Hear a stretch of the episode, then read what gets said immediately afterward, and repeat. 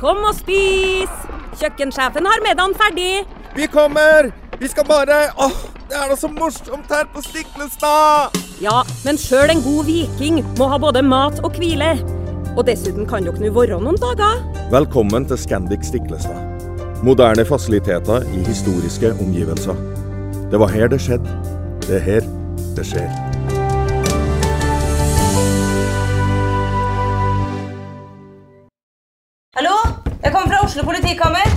Ine Jansen er purk. Er du purk? The motherfucking bitch. Alt jeg vil, er å finne ut hva som skjedde med mannen min. Jon Carew. Er jeg sikta for noe? Iben Akeli. Det er du. Ole So, Lars Berrum og Big Daddy Karsten. Hvem sin side er du på, egentlig? Anette Hoff, Tone Danielsen, Kommer du fra Afrika? Jørnis Josef, Nesten. Kløfta. Trond Espen Seim, Det er synd å si det, men det var feil mann som døde. Purk. Premiere tirsdag på TV2 Play.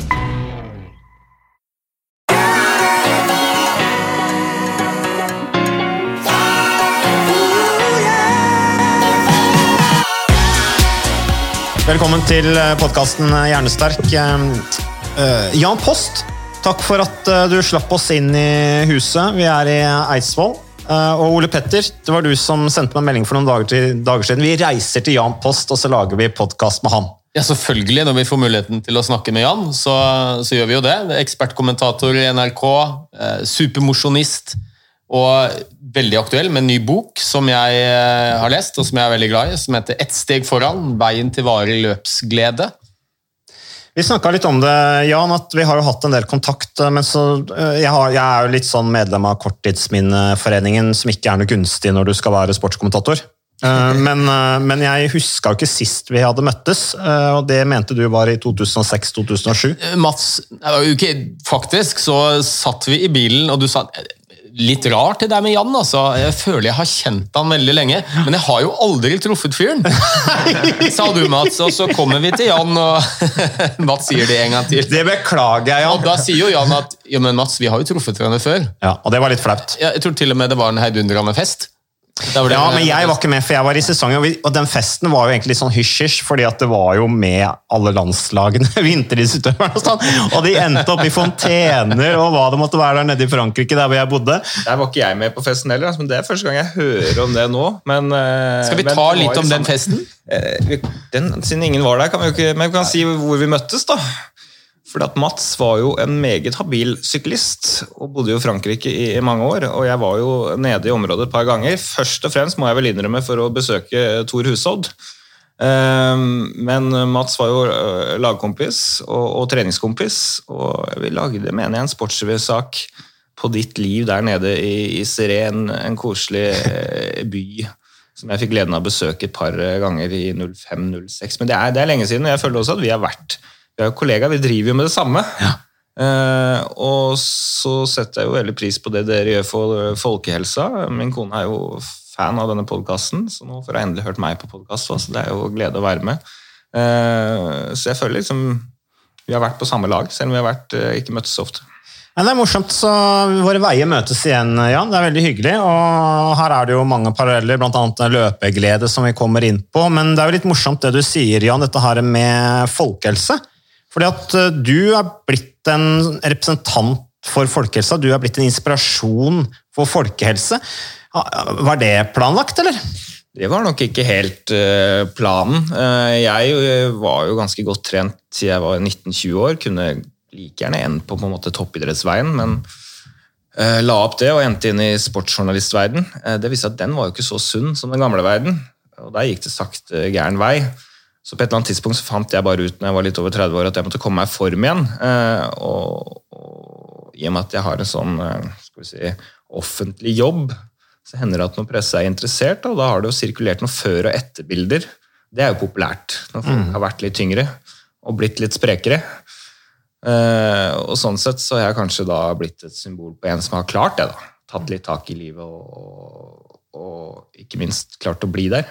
Det er veldig inspirerende der, Ole Petter, med folk som har vært store, og så blir de smale.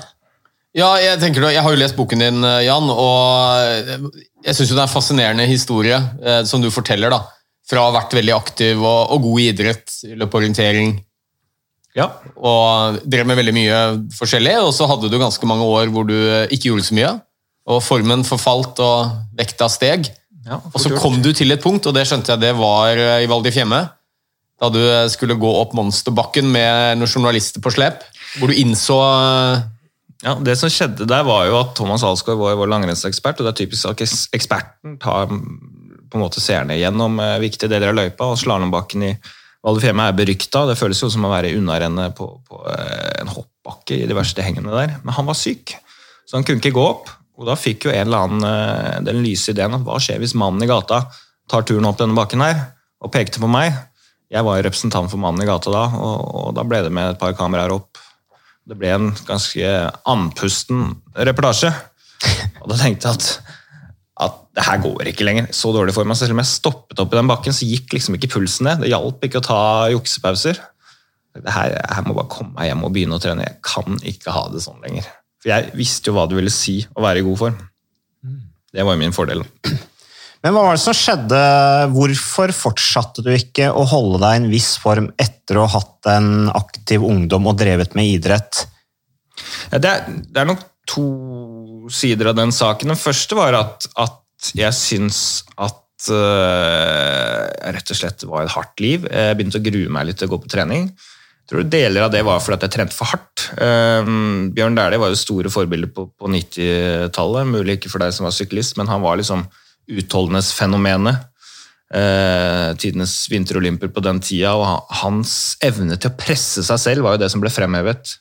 Altså, han var altså så rå til å presse seg selv, og det var det som gjorde han god. Så vi som var i starten av tenårene, eller rundt der omkring, vi, vi tenkte jo det at her må vi gå på trening og presse oss sønder og sammen hver gang det er hardøkt. Vi hadde ikke noe kunnskap om dette her. Og, og jeg var ganske god til å presse meg. Så jeg lå omtrent i grøfta på annenhver trening der.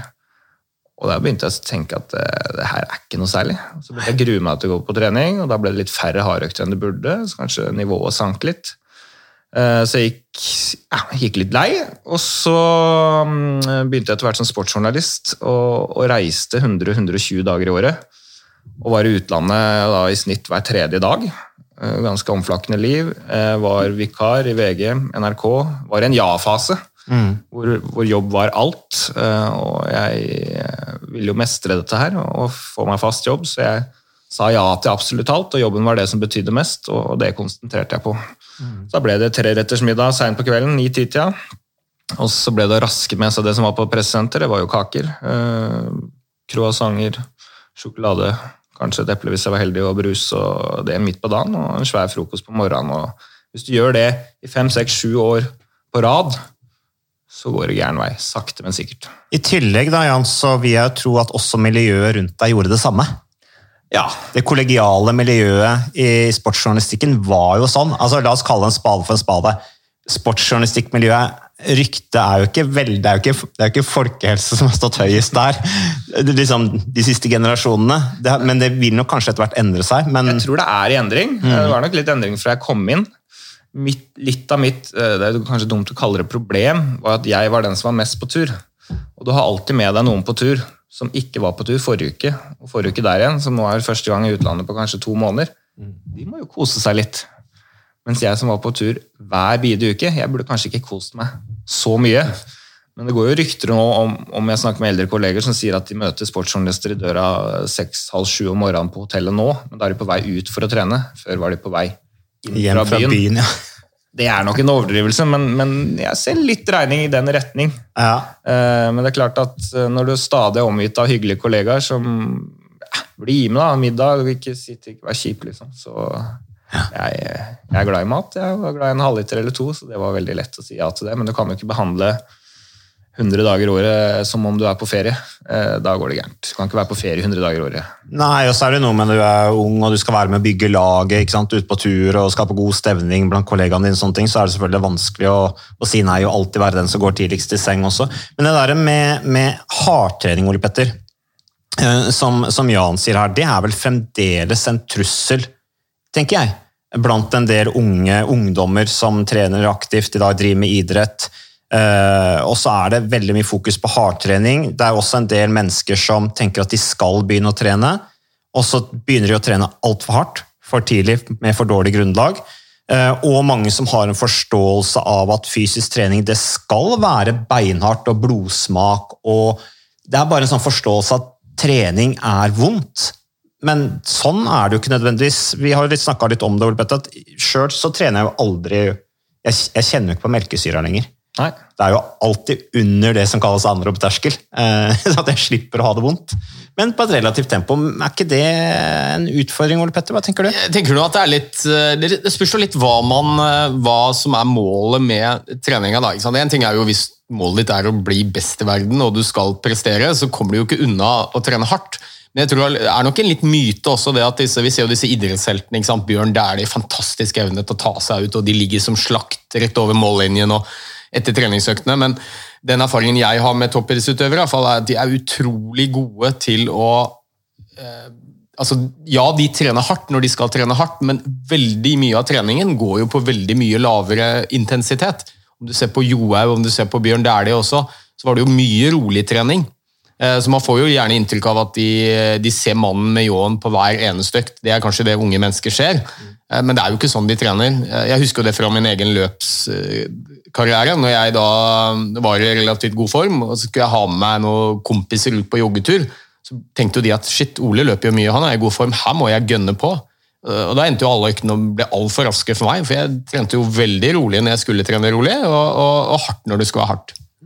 Og det tror jeg nok eh, veldig mange av de aller beste gjør. De trener ikke hardt hver dag. Nei, det er akkurat det, og jeg har jo fatt for vane å spørre toppidrettsutøvere når, når jeg snakker med dem, annet i podkasten min, at eh, jeg spør rett og slett hvor ofte på trening tar du i alt du kan? Altså, det, det er jo under ti ganger i året, altså. altså. Det er svært sjelden, svarer de. Altså, de trener jo med kontroll, og det er litt det du kan gjøre mye av som gjør dem gode, da. Og jeg skulle gjerne visst mye av det jeg vet nå, når jeg var 15 år. Så ærlig skal jeg være. Da tror jeg hadde fått bedre kontinuitet i det jeg drev med, og, og kanskje hadde idrettskarrieren gått bedre og vart litt lenger. Ja, så, så jeg tror det selv toppidrettsutøvere, så er det, er det litt myte det at eh, all Eller det er myte at all treningen er beinhard. Og tenker du mer som folkehelse, at du trener for helsas skyld, for å ha det bra, så, så vet vi jo at eh, den aller største helsegevinsten, den får du hvis du iallfall i hvert fall noen ganger i uka blir litt sliten og andpusten. Men du behøver ikke å se mannen med ljåen. Eh, Og, og, og sant, Den aller største helsegevinsten den kommer jo når du går fra å gjøre ingenting til å gjøre litt. Så du må ikke bli sliten for å få en eh, helsegevinst. Det der var helt sentralt når jeg endra livet mitt. Jeg bestemte meg for at det der hardtreninga, melkesyre og det der spyfølelsen var jeg helt ferdig med. Hvis jeg skal begynne å trene nå, så skal jeg ikke være i nærheten av det.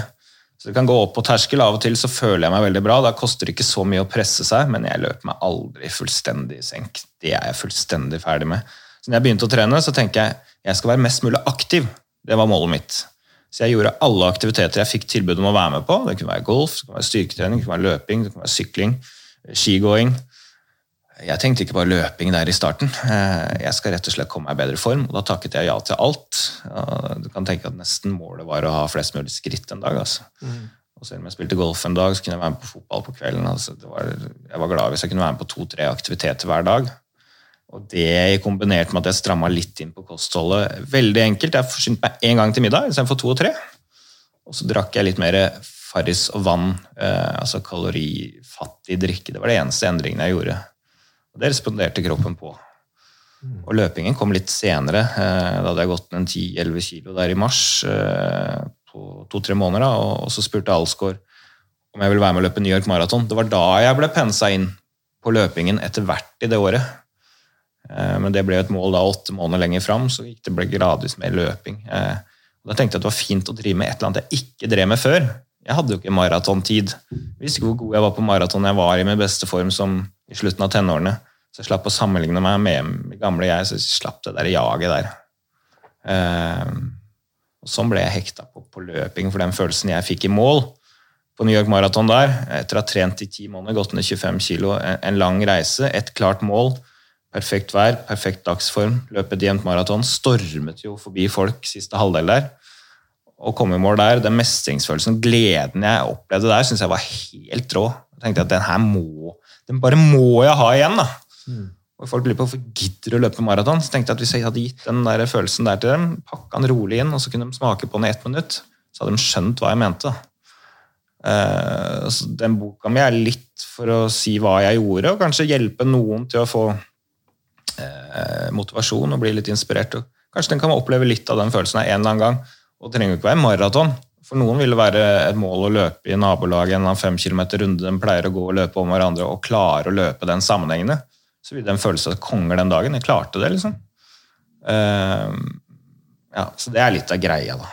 Men det starta jo ikke med maraton. Altså, for det er jo litt sånn det inntrykket jeg har hatt også, at det, liksom, det var rett på løping, liksom. eh, Og løpebølge og løpekonkurranser og tider.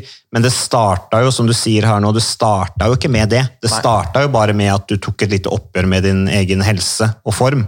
eh, Og, og tenkte fysisk aktivitet. Og så begynte formen å komme, og så ble du interessert i andre utfordringer. Men uansett, på tross av de, altså selv om du ikke hadde blitt invitert til å være med og løpe New York Marathon, som selvfølgelig er en opplevelse for livet, som var bra du sa ja til, så ville du vel sannsynligvis fortsatt å mosjonere Ja, for det.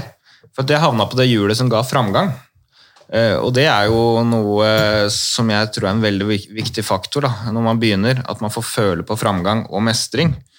Og Derfor sier jeg til folk at du må ikke sette lista for høyt i starten, så du begynner å skuffe deg sjøl. Hvis du begynner å skuffe deg selv i den første fasen der, eh, så er du ute å kjøre. Da er det fort gjort at man kutter ut. Men hvis man sier at man skal trene fire ganger i uka, da, så sier jeg to. For når det ender opp med å bli tre, så har du gjort mer enn du skal. Går ut av uka som en vinner. Jeg har slått meg sjæl. Hadde du sagt fire, så hadde du skuffa deg sjæl. Hvis du skuffer deg selv ofte, så, så, så kutter du ut. Men jeg endte jo da at jeg, jeg trente litt, kroppen responderte, jeg følte framgang, så ble jeg enda mer motivert. Trente jeg jo enda bedre. Fikk enda mer framgang. Og så rulla den ballen. Det har nesten aldri vært så lett å trene som det der første året. For at den framgangen var helt enorm. Nå tenker jeg når vi går 25 kilo ned, samtidig som den fysiske formen blir mye bedre. Det går ganske fort i riktig retning, ja. og det var deilig å være med på den reisen.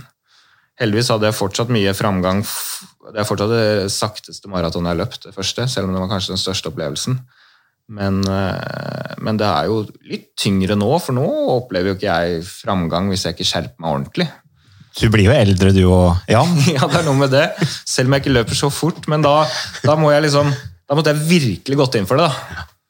Eh, Nå. Og så liksom tatt inn mer av toppidretten i hverdagen hvis jeg skulle vært garantert framgang nå. Det er jeg ikke sikker på om det er verdt.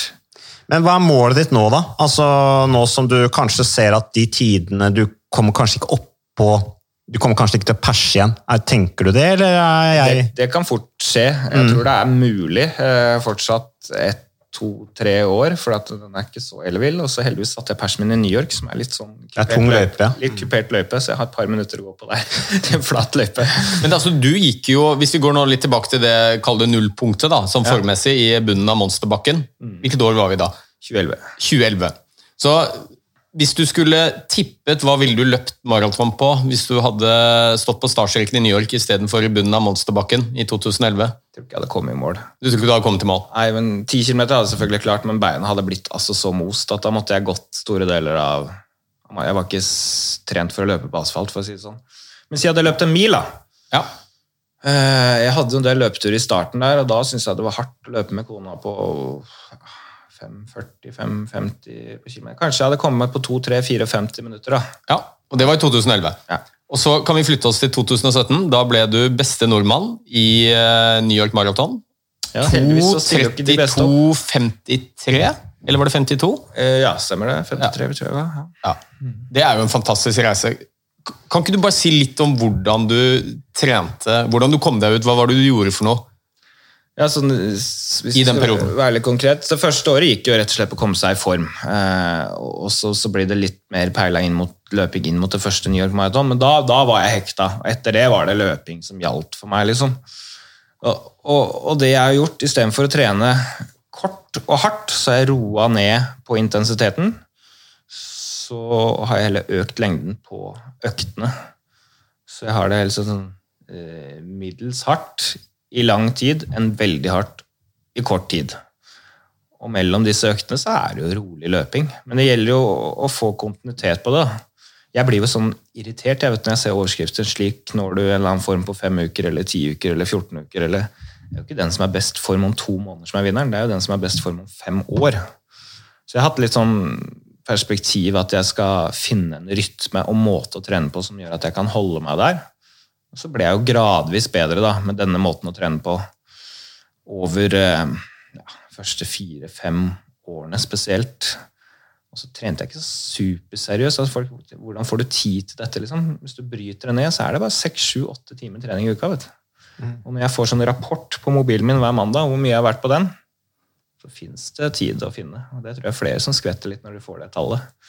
Hvor mye de har vært på skjerm i løpet av en uke. Hvis vi legger på TV og streaming og sånn i tillegg, så, så er jo Finner man en time om dagen, iallfall gjør jeg det, da. Hvis jeg vil. Men uh, det er jo det du sier, den skolen du Det du sier om treningsfilosofi der, den måten du trener på, er jo helt etter den gamle skolen som faren min representerer, da, med Ingrid Kristiansson og Grete Weiss, dette her. altså uh, Lengre økter, lavere intensitet. De kjørte intervallene kontrollert, men heller flere intervaller, kortere pauser. Lite melkesyre. Mm. Uh, og det, dette er jo som musikk i ørene på min far, i hvert fall. Ja, det, det, treffer nok en del av det, og det treffer nok også en del av det vi ser nå av familien Ingebrigtsen og Karoline Bjerkeli Grødal, det beste nå gjør. Men det ikke jeg får til som toppidrettsutøverne får til, er jo det store volumet. Mm. Som egentlig denne treningsfilosofien også bygger litt på. At du skal ha veldig stort volum rolig. Det får ikke jeg tid til å løpe 160-170-180 km i uka. Så jeg har jo ofte toppa ut rundt 100 Kanskje når jeg trener som best opp mot 120 km i uka. Hvis jeg klarer å få ti uker der, de siste ti ukene mot maraton, hvor jeg drar til litt ekstra, eh, og så har litt eh, større fokus på på langturer, så vet jeg at jeg står bra still på start. Ukas annonsør det er uh, HelloFresh. Og uh, hvis du nå går inn på hellofresh.no og bruker koden 'fresh hjerne', så kan du få opptil 1779 kroner rabatt på da de fem første matkassene dine hvis du ikke har prøvd Hello Fresh enda. Og Ole Petter, vi er jo glad i Hello Fresh i podkasten Jernsterk, selvfølgelig fordi at de er en annonsør. De er med og bidrar til å spre det glade ordet om fysisk aktivitet og god helse, men i tillegg så har jo vi også nå lang erfaring med Hello Fresh eh, selv. Så vi må jo si at det har vært gode erfaringer til nå.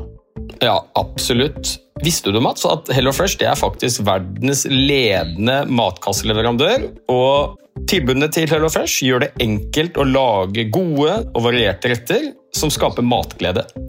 Og matglede vet du, det er like viktig som hva du putter i munnen. Det å spise mat med folk du trives med. Så gjennom 25 nye og inspirerende retter hver uke så bidrar HelloFresh til dette. Du kan bestille ekstra porsjoner om du får gjester, eller hoppe over uke hvis du f.eks. skal bort. Mm. Og Det er ingen bindingstid, og du velger leveringstidspunkt og dag selv, så leverer Hello Fresh matkassen din akkurat når det passer deg. Ikke dårlig, Mats. Nei, det er veldig bra. Så, eh, og dette er med enklere hverdag, det kan jeg nå skrive under på. For nå, forrige erfaring vi hadde forrige uke, Ole Petter, det synes jeg var Det var jo et gjennombrudd eh, for familien Kaggestad. For da lagde rett og slett barna de lagde middag og serverte middagen, så den var ferdig laget og servert da når eh, min kone Marita og meg kom hjem fra jobb. Og jeg mener Det var jo bare helt utrolig. Eh, det var helt fantastisk. Det ble en nydelig middag. Riktignok de, de, de, de roter og søler litt, det gjør de. Så, men, men, maten ble veldig god. De var veldig stolte over å kunne å ha både laget og servert maten, så det var helt fantastisk. Så vi har jo da i siste så har vi eh, spist eh, bl.a. sitron- og dillstekt hyse med ovnsbakte grønnsaker og aioli. Eh, vi har spist middelhavsinspirert kylling. Taco, så finnes det mange ulike typer taco, f.eks. vietnamesisk taco, som vi har spist. Thailandsk vegetargryte. Veldig riktig og sunt uh, i dagens uh, samfunn med, med, fokus på bærekraft. Hvitløk og chilistekte reker i spagetti, det var definitivt en vinner. Så det er så flott. Du får rimelig mat ved at du kun betaler for det du trenger, så det blir ordentlig feststemning med Hello Fresh. Det gjør det, og nå er det bare for deg å gå inn på hellofresh.no og bruk koden 'fresh hjerne'. Da får du opptil 1779 kroner rabatt på de første fem matkassene dine hvis du ikke allerede har prøvd HelloFresh. Du kan også bruke rabattkoden hvis du har stoppet abonnementet ditt for tolv måneder siden eller mer. Er det noe å lure på? Håper maten smaker godt. Bon appétit! Men det er jo en del av samme filosofien. Mm, og så er det jo deilig å høre for uh, folk som lytter på den podkasten her, tenker jeg at de skal slippe å trene sånn at de får blodsmak og stuper på toppen av bakken. Ja, det trenger man ikke. Og så en annen ting med det med tid, fordi der er jo løpingen helt genial, Men mener jeg. Det er jo verdens enkleste aktivitet. Du bruker veldig lite tid annet enn til å bedrive aktiviteten. Du tar på deg noen sko og noen klær, og så er det ut døra. Det er ikke noe hokus pokus. Og, og la oss si du trener ganske mye, da, en time om dagen, så er det syv timer i uka. Og, og det er jo gjort en del studier på at eh, Og så er det mange som da spør ikke sant, ja, men hvordan får du tid til alt det der, for du har jo mye annet i livet ditt. og Det har jo de fleste av oss, men det vises jo ganske tydelig, både i forskning og mye praktisk erfaring, jeg har det iallfall, og jeg tipper du har det også, at man blir mer effektiv. eh, Jobbmessig, blant annet, og får tid til andre ting. og er, altså Hjernen din er, fungerer bedre når du har trent. Det gjør oss mer effektive. Evnen til å planlegge og gjennomføre oppgaver. Effektivitet.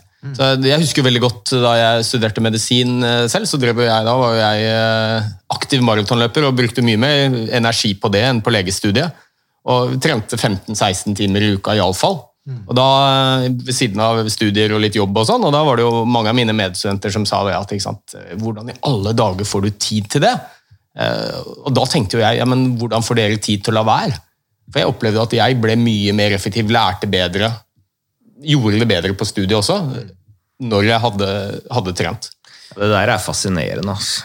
Hvis jeg får løpt en god tur om morgenen, så føler jeg at som boka heter, et, er ett steg foran. Og Det er litt den der følelsen der. Jeg har færre negative tanker. Ser problemene, men de er ikke så store som de var før løpeturen. Så blir jeg mer effektiv fordi jeg er mer fornøyd. Altså. Og, og det tror jeg familien min, barna og, og kona også opplever. At jeg er mer fornøyd. Vi er på ferietur, og jeg får meg den timen før frokost liksom fra sju til åtte. Liksom, så, så er jeg lettere å ha med å gjøre resten av de dagen. er ganske enkle sånn sett. Ja. Kona mi har også skjønt det der, liksom, knukket den koden der. da. Men jeg tenker på i forhold til jobb, eh, Jan, fordi at du, du, har, du kommenterer jo langrenn, som jo på en måte er kronjuvelen i norsk eh, idrett. Eh, Ganske stort press på det der. Du har mange lyttere. Eh, I dagens samfunn med sosiale medier så eh, kommer tilbakemeldingene raskt. De kan være ganske nådeløse. Eh, Hvordan har fysiske treninga hjulpet deg i jobben?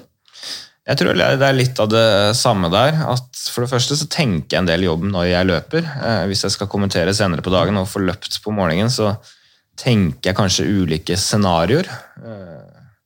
Husker blant annet under VM i London, da er det ikke langrenn, men da er det VM i friidrett. Det er ganske trøkk rundt det òg, når Ingebrigtsen og Warholm og co. er i aksjon. Da bodde vi åtte kilometer fra stadion. Men for å komme dit så måtte man først ta buss, så ta tog, og så gå et stykke. Når det skal 80 000-90 000 inn på den stadion hver dag, så tar jo det der litt tid. Men jeg fant ut at her går det noen kanaler i London, hvor du kunne løpe på siden av kanalene, helt uforstyrra. Slapp å løpe over et eneste lyskryss. Og det var åtte kilometer. Perfekt. Jeg brukte 35 minutter. Mine kollegaer brukte borti halvannen time enkelte dager. Så jeg sparte tid, jeg fikk trent, og jeg fikk eh, brukt hodet mitt til å tenke. Jeg syns det er lettere å takle tilbakemeldinger og den slags når jeg har, har trent. for at jeg, eh, Hvis du begynner å grave deg ned og er på en dårlig plass mentalt, så biter de der dårlige kom kommentarene mer enn hvis jeg er et bra sted. da.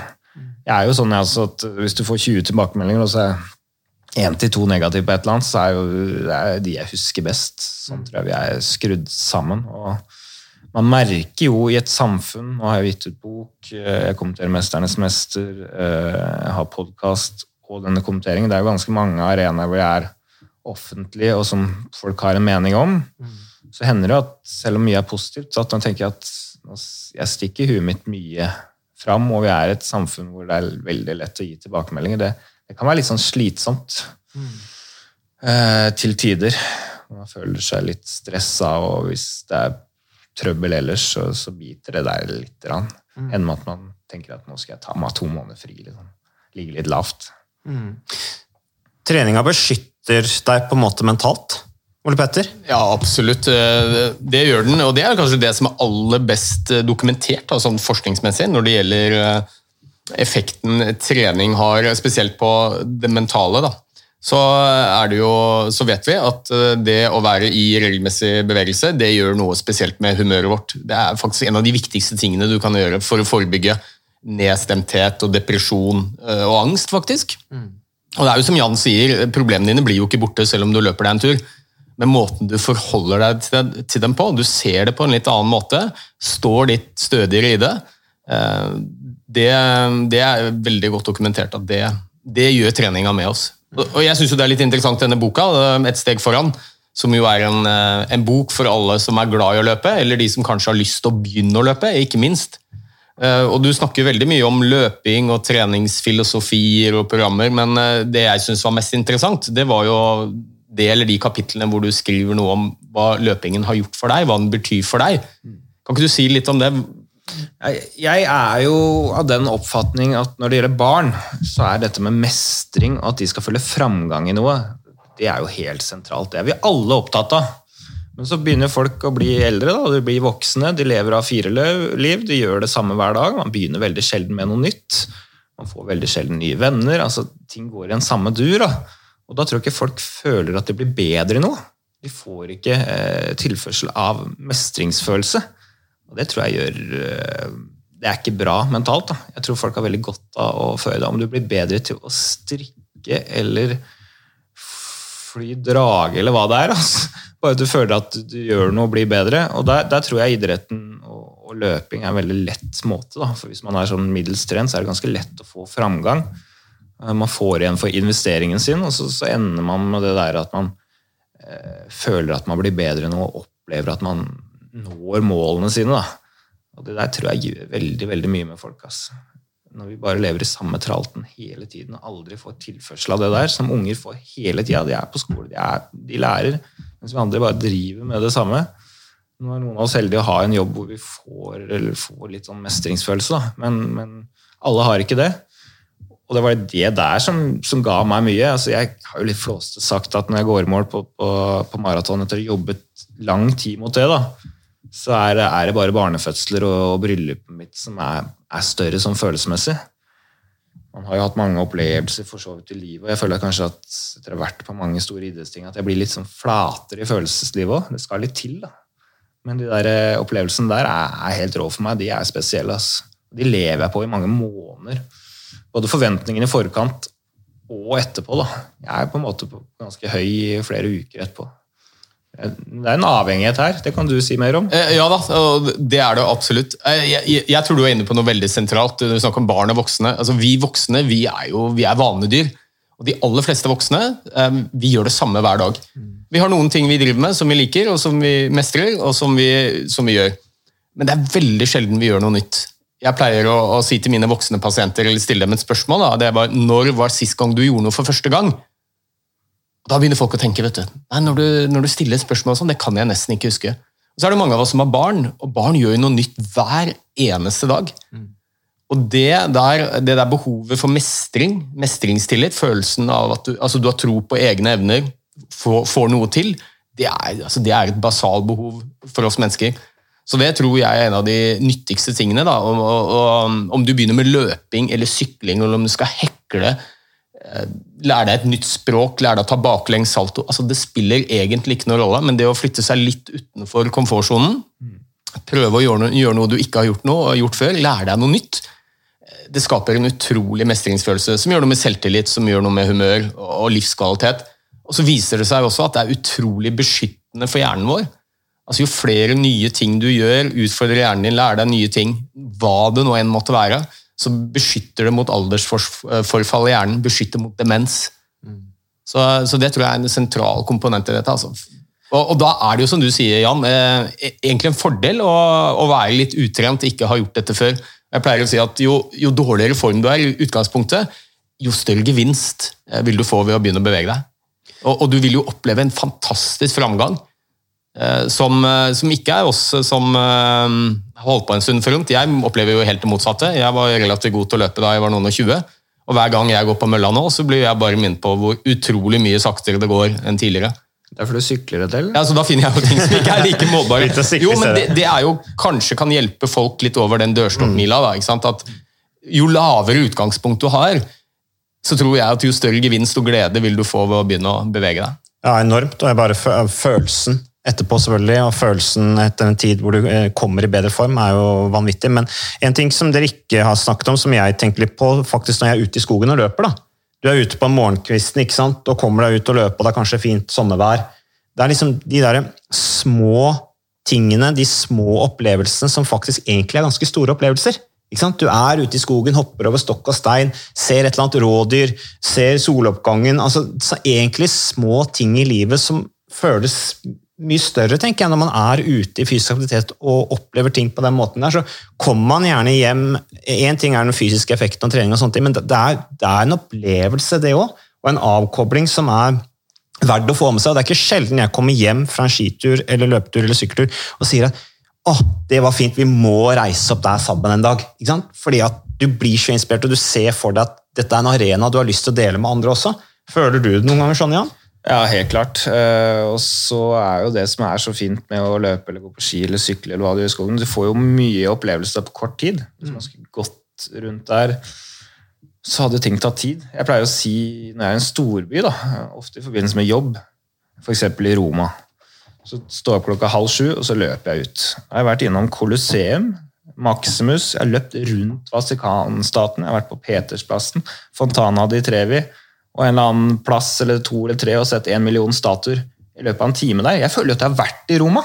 Ja, Det er jo ikke snevert, det. For folk ser jo liksom at sånne treningsfantaster de er så snevre og sånne ting. Men det er jo en kulturreise inni løpeturen. Og Da kan jeg vite hvor alt er. Jeg kan jo ta med andre dit etterpå. Eller jeg, jeg føler virkelig jeg har vært i Roma. Jeg kan fortelle om Roma når jeg kommer hjem, så jeg får mange sånne opplevelser. Sånn kan det jo være i skauen. Derfor er jeg litt avhengig av også å ta noen nye ruter innimellom. For jeg, for eksempel her i koronatiden i, vår, eh, det er fortsatt koronatid for så vidt, men det var en tid barnehagene var stengt. Jeg var ute hver eneste dag og brant bål og gikk tur i skauen til alle mulige gapauker i området her. Og det var mange steder jeg har vært før, som jeg vet at det var lett å ta seg til for unger. Og så utvida jeg løpeturene mine litt i den perioden òg, og fant nye steder.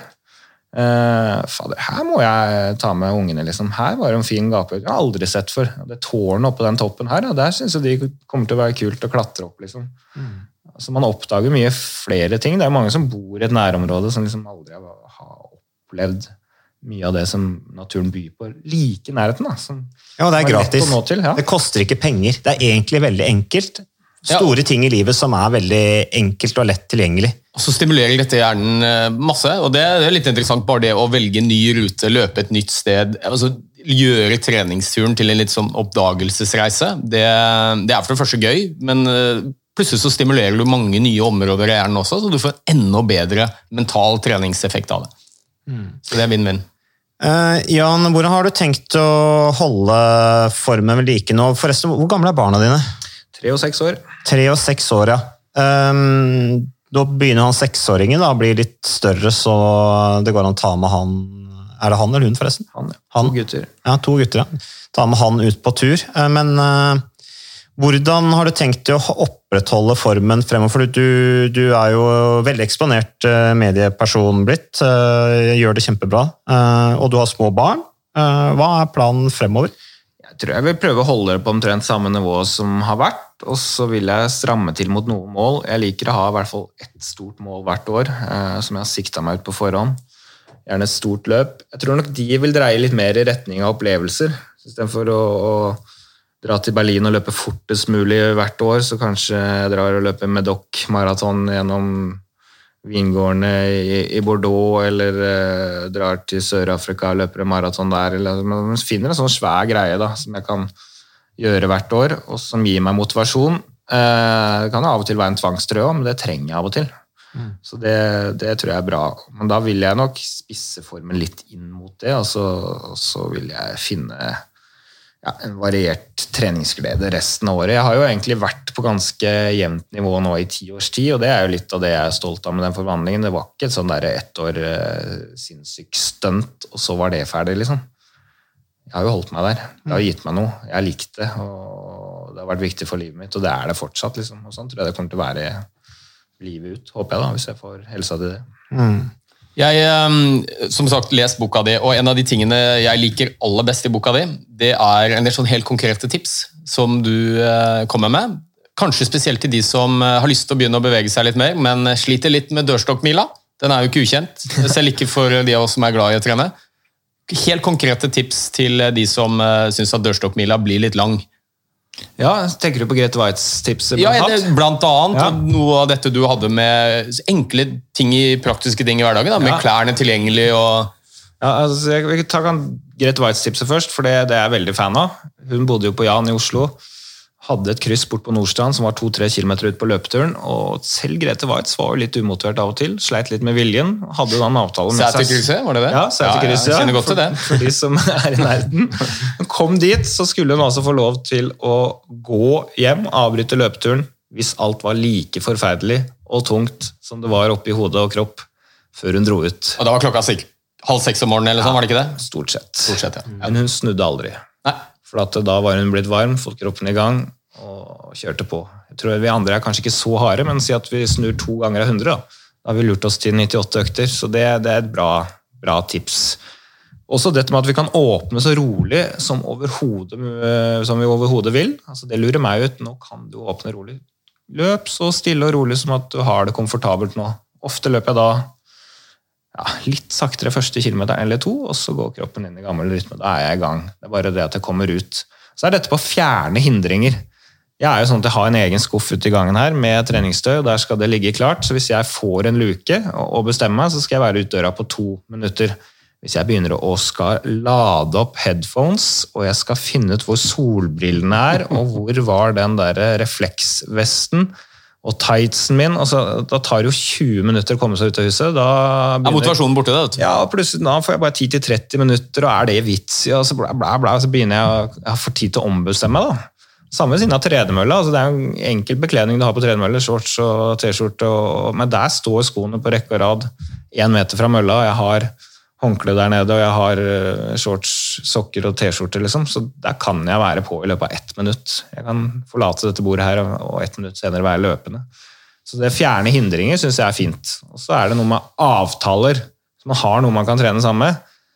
Og gjør en fast avtale. Du ringer jo ikke et kvarter og sier du, jeg kommer ikke da, jeg gidder ikke, jeg orker ikke. Du, sier, du gjør ikke det, vet du. En ting er hvis det oppstår noe du ikke kan, men du ringer ikke og sier at du ikke gidder. Så Det syns jeg er eh, en god ting. Og hvis jeg løper ti km med en kompis, så føles det som fem km. Det er gratis kilometer. Det er iallfall noen tips. Ja, det er veldig, veldig gode tips. Jeg har lignende tips eh, til en del pasienter som sier til meg, kanskje spesielt i helgene, da, så har de, de har bestemt seg for at de skal trene en eller annen gang i, i løpet av dagen. Så blir det ofte til at det koker bort i kålen. Det blir ikke noe av. Eh, Og da pleier jeg å si at vet du hva, hvis du har bestemt deg for at du har lyst til å trene en lørdag, når du står opp, det første du tar på deg treningstøy. Og så går du rundt alle de tingene du skal gjøre på morgenen, f.eks. Gå rundt i treningstøy. Det er et ganske sterkt signal til hjernen din som hele tiden vil observere at du går i treningstøy. Eh, Mye lettere da å komme seg ut på et eller annet tidspunkt. Det der er bra tips. Jeg leverer ofte barna i skole og barnehager iført treningstøy. Da er veien kort ut etterpå, så får de heller tåle det synet av meg i tights i barnehagen der. Altså. Det får gå. Det er jo det største problemet. Jeg har hatt litt problemer med det, men spesielt med sykkeltøy. Jeg måtte begynne å levere datteren min 200 meter fra skolen, så ingen skulle se meg. Men eh, ja, Det er i hvert fall noe som funker for meg, og som jeg vet at funker for mange pasienter. og Det samme, ha med deg treningstøy. Altså, Ha det i bilen. Bare la det ligge en bag med noe treningstøy, så, så har du det der. I tilfelle en luke oppstår i løpet av dagen. Det er jo en amerikansk trener som eh, heter Macmillan, som er ivrig på Twitter. Han pleier å skrive at hvis trening og løping gjør alt annet i livet ditt lettere og bedre, hvorfor ikke gi det topp prioritet? Jeg liker litt den tankegangen. da. Jeg syns det var veldig godt sagt, eh, Jan, og masse gode tips. og Det var veldig hyggelig at du eh, ville snakke med oss på podkasten Hjernesterk. Og du har jo din egen podkast også, som vi kan anbefale å høre på, som jo er i samme gata. Inspirerende å høre på. Og Ole Petter, du eh, vil avslutte her nå, se. Nei, du, Jeg har bare lyst til å si at eh, den boka her, den eh, er verdt å lese. Eh, det er ikke så veldig mange bøker jeg har tid til å lese, men denne har jeg lest fra perm til perm, faktisk flere ganger. Og, og den er utrolig bra, tror jeg, for folk som en er glad i å løpe. Det er jo mange som er det. Vi ser jo det på podkasten din. Mange, mange lyttere, folk som er lidenskapelig opptatt av å løpe. Men også for de som har lyst å begynne å bevege seg litt mer. Det er masse gode, motiverende tips. Og det er vel sjelden det har vært så passende å si løp og kjøp. Løp og kjøp, og så uh, takker vi for at du vil dele dine erfaringer, ikke minst. Jan, og at du også er en representant for folkehelsa og bidrar til god helse i samfunnet ved å inspirere. Vi trenger så mange som mulig som gjør det. Uh, så hvis ikke du har noe å avslutte med, Jan, så Jeg er glad for at dere går foran og kjemper for folkehelsa. Jeg liker denne podkasten her. Min kone som er fysioterapeut, hun anbefaler det til pasienter, og mange som har fått et løft etter det. så Keep on, guys, og hyggelig at dere tok turen hele veien ut på landet til Eidsvoll. Tusen takk, Jan. Og tusen takk, Ole Petter. Takk for det, alle sammen. Takk for alle som lytter på.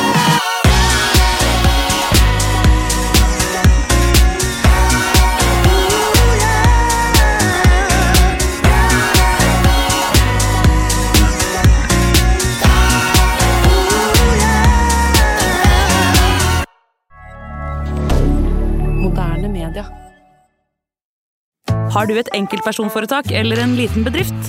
Da er du sikkert lei av å høre meg snakke om hvor enkelt det er med kvitteringer og bilag i fiken, så vi gir oss her, vi.